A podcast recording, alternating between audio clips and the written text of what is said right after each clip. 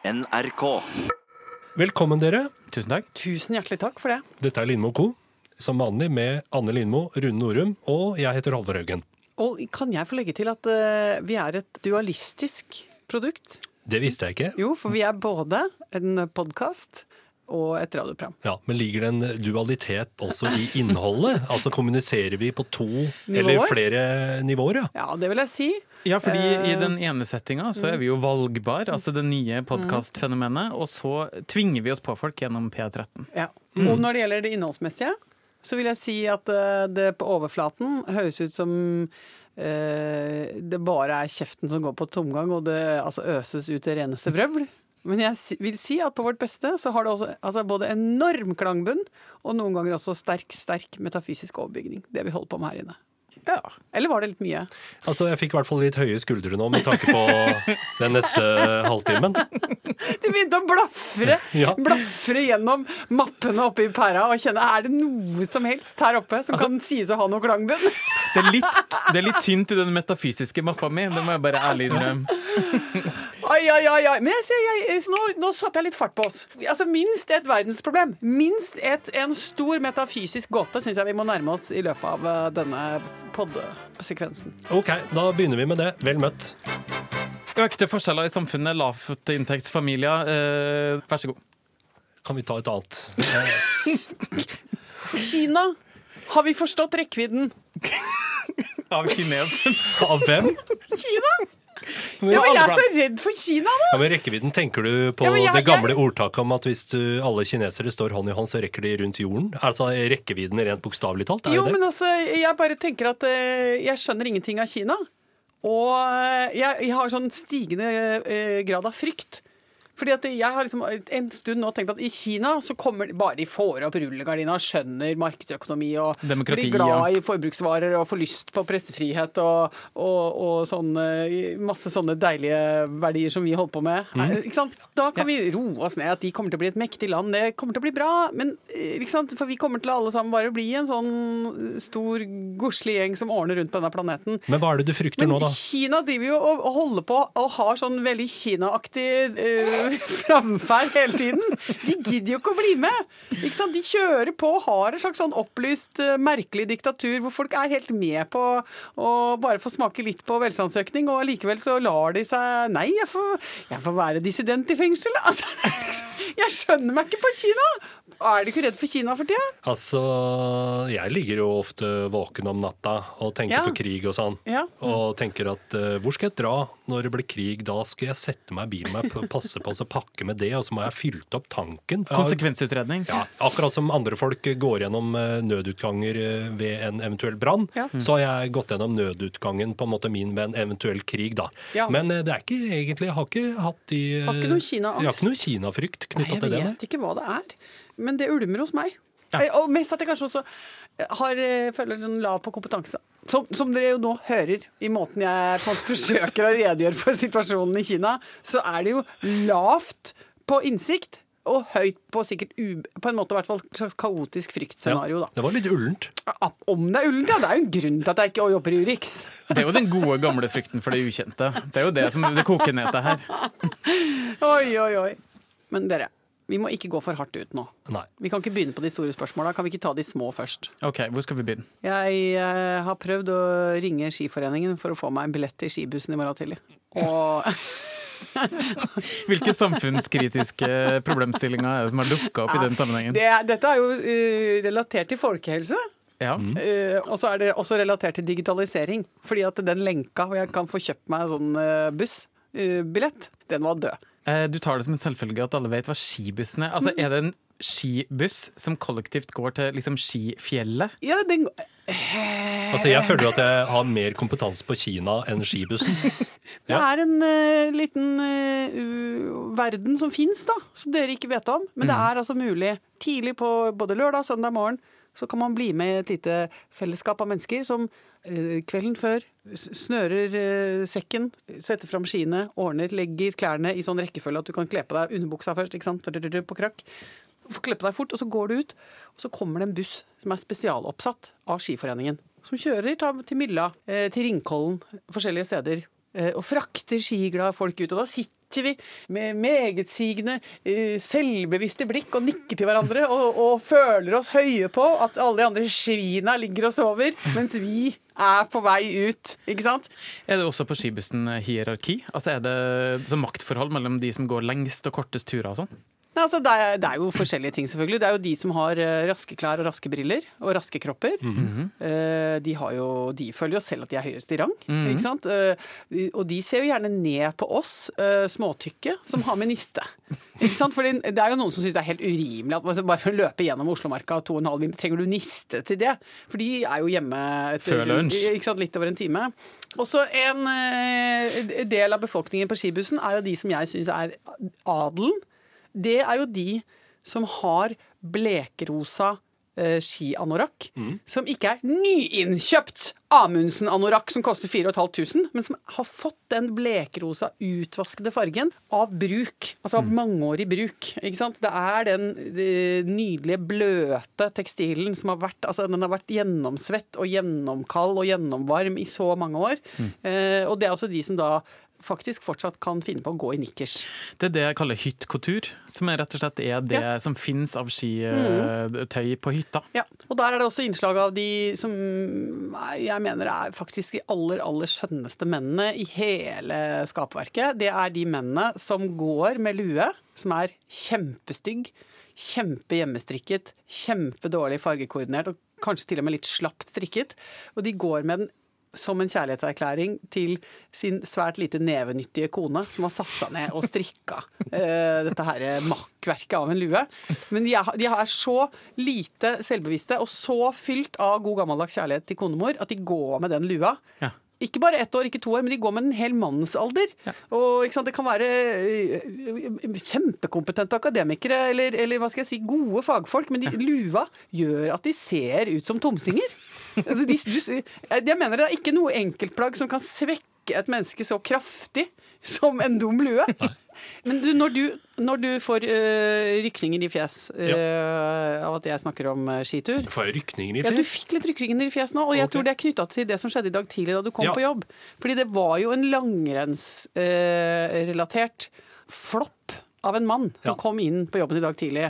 Du så ut som du hadde, lufta hadde gått ut. Ja, jeg var helt utslitt da jeg kom på jobb i dag, fordi eh, det var skidag på skolen. For det første kom det litt eh, bardus på.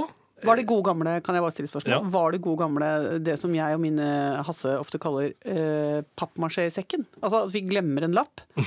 eh, som da blir eh, most, most, most sammen til pappmasjé nederst i sekken. Veldig mye informasjon som bare ligger i en sånn våt papirball i bånn av ranselen. Ja.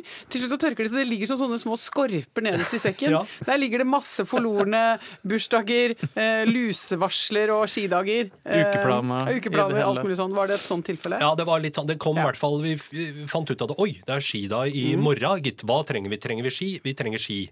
Men dette kommer ikke av seg sjøl for meg. Nei, Og du er ikke en sånn mann som kjenner på en liten, deilig indre glede over at du kan si da er jeg nede i smørboden i halvannen time? Nei. Nei, Akkurat det. For du er ikke der. Jeg ser for meg at de andre foreldrene på skolen de har eh, tilbrakt Mm. eh, sånn tolv timer nede i smørboden da og får preppa. Kanskje man da også har liksom eh, et assortert utvalg av liksom termoser og eh, lettvekts matbokser Ja. og camelbacks og hele pakka. Sitteunderlag, ja. Sitteunderlag. Mm. Herregud, huska jeg sitteunderlag? Ja, jeg vet ikke. Men når fikk dere pakka sekken, da? Jeg fikk I går så tenkte jeg ok, vi må i hvert fall ha ski. Det vet jeg at vi må ha på ski da. Fant et par ski og et par staver, putta det i en sekk, var superfornøyd med meg sjøl og tenkte at nå er eh, all set. Ja. Og så var det hele denne sjekklista her, da. Som andre folk eh, har inne, den har ikke jeg inne. Og ti minutter før vi skulle dra av gårde i morges, så kom vi plutselig på sånne småting som har du huska å smøre skia? Havrehaugen, er du klar over hvor grusomt det er å gå på dårlig smurte ski på det føret som er nå? Så du kommer til, å- han kommer til å komme hjem med lyskestrekk, han kommer til å ha gangsperre. Men jeg tenkte i alt dette kaoset at nå vet jeg hvordan en gjennomsnittlig liksom, norsk-etiopisk familie har det når det er skidag. For jeg Ja. ville se for meg at hvis det faller det er seg ikke naturlig å vite om all denne tause kunnskapen som uh, kanskje majoriteten av nordmenn sitter på. da. At nå må du preppe skia, nå må du gjøre klart Ja. termos, nå må du ha ja, pølser. Men eh, eh, jeg vil si, Halvor Haugen, at uh, jeg syns du skal slå deg til ro med dette. At uh, du er med å bygge ei bru. Det er nettopp det. Ja, men Du er med å bygge ei bru mellom eh, de mange familiene i Oslo som uh, føler seg helt fullstendig fremmedgjort når denne skidagsesongen dukker opp. Eh, ja, Som er innvandret fra klodens mange hjørner, og som syns dette her er fryktelig vanskelig, og som ikke skjønner opp og ned på noen ting. Fordi det er så mye taus kunnskap. Hvorfor er det sånn at alle må med i den lykkelige flokk av langrennsentusiaster? Eh, selv om jeg tilhører den, så er jeg veldig Jeg eh, etterlyser at det er, vi skal ha også en motkultur der. Selvfølgelig skal vi ha et eget eh, hit med folk som bare driver med rumpakkebrett. Hvorfor kjørte du ikke på med Ja, det? Det er mye deiligere. Jeg prøvde å insistere på rumpakkebrett, Ja. for der kjenner jeg sjekklista. Ja. Er, hva er det som står på den sjekklista? Rumpakkebrett. Ferdig. Det er så deilig med sånne lister. Har du gått på sånn Zumba-kurs noen gang, Anne Lindmo? Jeg har aldri vært på Zumba. Nei. Jeg ble eh, kurert mot rytmisk samkvem med andre kvinner på 90-tallet, da jeg kom i skade for å gå på Senter for afrikansk kulturformidling på trommekurs. Altså på afrikansk dansekurs. Det er så, jeg er så glad for at jeg gjorde det, for da ble jeg kurert tidlig. Og vet at det er veldig nedverdigende, og det må man aldri gjøre Okay. stå eh, i, i, sammen med andre kvinner fra den nordlige halvkule og forsøke å riste løs 3000 år med stive hofter, ikke sant? Og prøve å finne sin indre turkey-kvinne eller, eller zumba-dronning. Det kommer aldri til å fungere. Hva var det mest eh, ydmykende ved den situasjonen? Var det det at du ikke følte at du fikk til de myke hoftebevegelser som skulle til? Ja, men, og det det var bare sånn at du, jeg faktisk, når jeg kjenner etter nå, så får jeg lyst til å stikke ut mitt indre øye av skam. når jeg ser for meg hvor elendig, dårlig eh, den dansinga var. Og så var det så morsomt, for det var vel sånn ra- raust og ressurssterkt kurs hvor det var sånn eh, kjempegode trommekarer som spilte, eh, og som sitter da foran og ser på eh, De ser på de 25 damene. Ikke sant? Og, og det var jo tunge innslag av sånne eh, damer som jeg har eh, for å si det sånn, åpna hjertedøra for Afrika. Da. Så det er jo kameløredobb, og det er batik på snei. Ja. Og, de, og det, er, ikke sant? det er damer som har, har kjørt på som cornrows, fletter, og, og det er dreads, og det er mye sånn Kulturell appropriasjon. Er mye kulturell appropriasjon, og det er også sånt, et intenst ønske om å finne denne the rhythm of Africa Ja. i dette spinkle legemet fra Elverum. Og det, og det og, og det skjer Det skjer aldri, ikke sant? Og det, samme hva du gjør, ikke sant? Så kom, det, er ikke, det, er ikke, det er ikke sensuelt på, eh, på noe vis. Men er det kanskje noe også da mellom avstanden mellom faktisk sensualitet og Og opplevd sensualitet. Ja.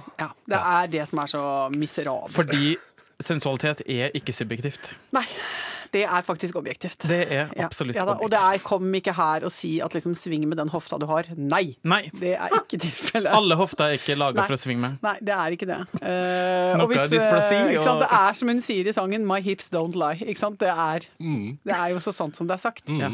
Men hvorfor begynte jeg å tilstå det med afrodans? Fordi du tromma eh, Jeg ville ikke si sensuelt, Nei. men du tromma eh, med rytmiske skulderbevegelser. Så tromma du med den liten, lille vannflaska du har. Ja. Så tenkte jeg at dette har hun ikke lært hjemme. Her har hun vært på zumbakurs, tenkte jeg. Nei da, men jeg har ikke vært på zumbakurs, Men det hender jo at jeg bråker for å øh, bare vekke meg selv. Ikke sant? At altså, ellers så tar jeg også noen ganger bare og gnir meg sjæl veldig hardt i fjeset. Det er akkurat sånn du skal tenke noe, Hvis du skal tenke noe klokt, så er det, liksom, det hjelper faktisk å gni seg i pannen. Jeg føler at det er akkurat som jeg banker løs på synapsene og får det til å frese fortere. liksom. Ding, ding, ding. Slå meg selv i hodet litt. Og- Kan man slå seg slank, tror du?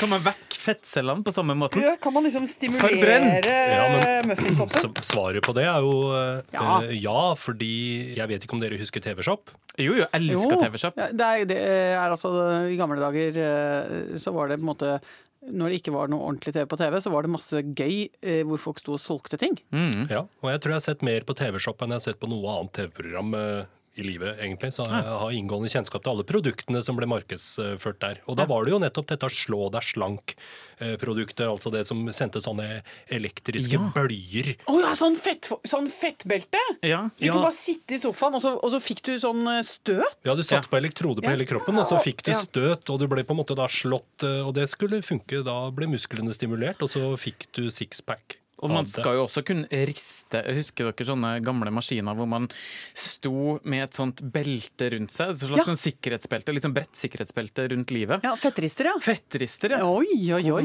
Ja. Jeg har fortsatt lyst på Ginsu-kniven, jeg. Ja, det er jeg òg. For da kan du skjære gjennom en hel sko. Og så kan Vet du hva jeg hadde lyst på? Nei? Det var ikke på TV-shop, det var i Blinkkjøp-katalogen. Eh, den som kom hjem, hvor det var masse sånne flotte ting man kunne få kjøpt.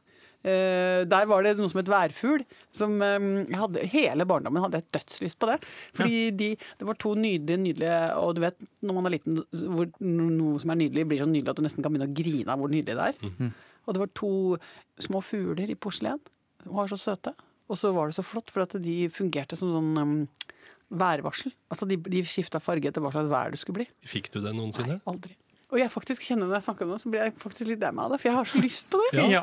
To fugler, De var, ble lilla liksom når det ble finvær, og så ble de grønne når det var eh, dårlig. da. Og, det var at, og jeg syns det var både så vakkert, og så syns jeg det var så vitenskapelig så helt uforståelig at det kunne gå an. Så det ønska jeg meg veldig. Hvis noen eh, vet om dette produktet og vet hvor det fortsatt kanskje kan være til salg, så anbefaler jeg også bare slenge si inn en liten kommentar på Facebook-sidene våre. For dette kjenner jeg må jo stå på bursdagslista di. Ja, det gjør det faktisk. Det, jeg veldig, kjenner veldig sterkt på det når du sier det nå.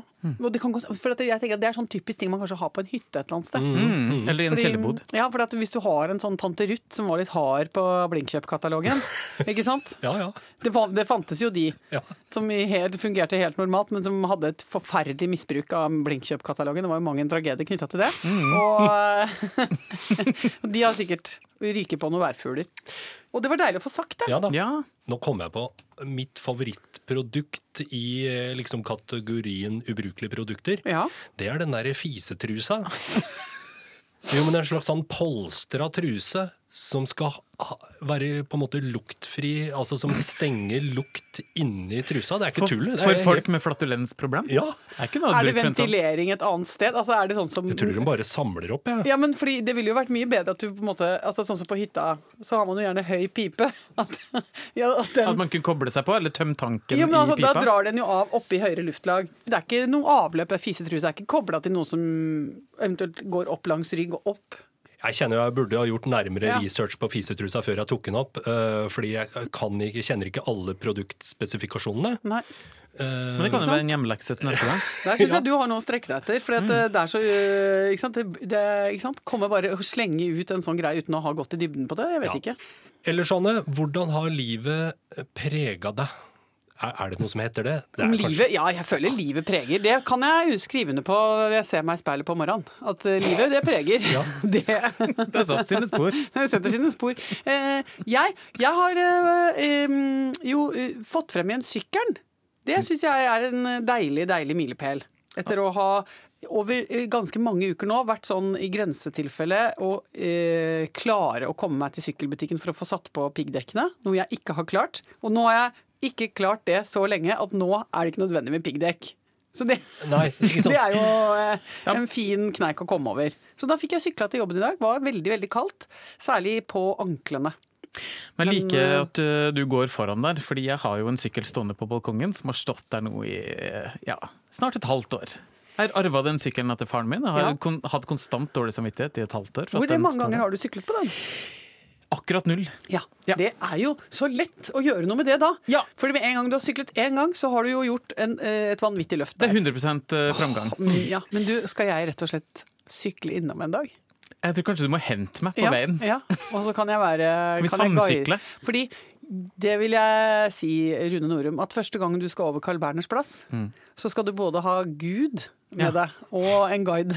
Fordi der er det rett og slett eh, eh, sterke ting som skjer hver eneste morgen. Og det er flott, fordi du takker livet. Når du kommer deg ut Ja. eh, og er på vei bortover eh, Finnmarksgata der, så kjenner du takk for at jeg lever. Ja. Men er det da sånn at man er nødt til å Altså er det som eh, vietnamesisk bilkultur, hvis dere har fått med dere det noen gang? Nei. Det er rett og slett ingen regler. Det er mer sånn fri flyt inn i krysset. Litt den sterkestes rett, litt eh, høflighet til de som kommer fra høyre og de som kommer fra venstre. Og så blir det en slags en herlig sammensurium av en maurtue. Er det litt eh, den følelsen jeg må forberede meg på? Jeg vil si at eh, det aller, aller tøffeste med Carl Berners plass er jo en rundkjøring som er firkanta. Og det gjør jo at veldig mange blir forvirra. Og så er det liksom noe som noen mener er et sted hvor man kan kjøre bil, mens andre mener nei, der inne er det egentlig et slags fortau, eller en kant. Ja, Hvor mange filer er det egentlig? Er det to? Ingen vet! Er det to? Ingen er det fire? Er det tre? Aner ikke! Nei. Noen mener det er tre, noen mener det er to, og, det, Ja. og noen mener ja, men det er fire også. Og jeg som er eh, syklist og fritenker, jeg mener jo det er en seks-sju. Og så er det jo trikk Ja. som skal passere. Busser passerer. De har jo en egen eh, hva skal jeg si, raison d'être. Ja, ja, oui, ja. Og, og så har du alle mulige sånne Halvor Haugen-aktige mennesker som har eh, våknet eh, litt for brått til en skidag som ikke var planlagt, eller noe annet. eh, en eller annen livsmisere Ja. som de da tar ut på andre folk i trafikken.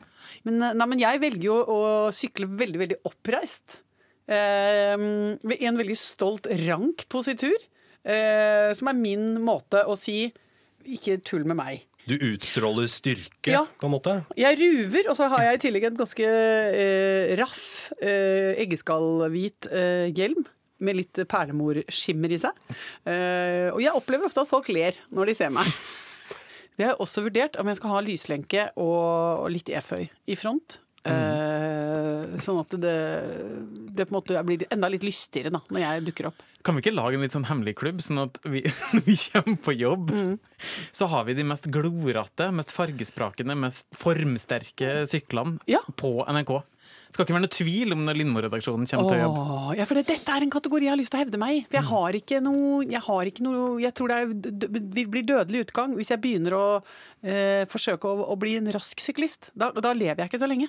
Vi har rett og slett gjort en liten blunder, og det er å glemme å ta med den eh, tjukke bunken med korrespondanse fra lytterne ned i dette studio. Ja! Det er skammelig, og vi Ja. beklager for det. Vi beklager for det. Eh, men vi vil jo bare Så nå ville vi normalt sett lest opp det, men fordi Ja. vi er litt sånn smått ubrukelige mennesker eh, av og til, så fikk vi ikke til det. Men hvis det er ting eh, noen der ute ønsker at vi skal drøfte Så må de jo gjerne sende oss en uh, melding i innboksen på Facebook. Ja. Og så må jeg også si det at det er uh, stadig vekk sånn at uh, vi er rause på det der at eh, kompiser, altså folk som hører på denne podkasten, de vil jo gjerne ha besøk av i studio på onsdagene. Så da er det bare å sende en mail til publikum at nrk.no. Så eh, blir det altså reservert eh, plasser til dere. Dere får gratis billetter. Og ikke minst så får dere også nå eh, Vi har jo laga en sånn liten eh, felles eh, utsmykningseffekt. En liten button. Som eh, folk som er kompiser, kan få. Nå må vi runde av, for eh, jeg vet at dere to skal ut og eh, sosialisere etter arbeidstid. Vi skal rett og slett ut og drikke øl. Vi skal ha, ha redaksjonspils. Vi skal innta store mengder med pizza og, Ja, og en, en passende mengde alkohol. Og Nydelig. danse litt afrodans. Men takk for nå, da, folkens. Ja, Ha det! Ha det bra.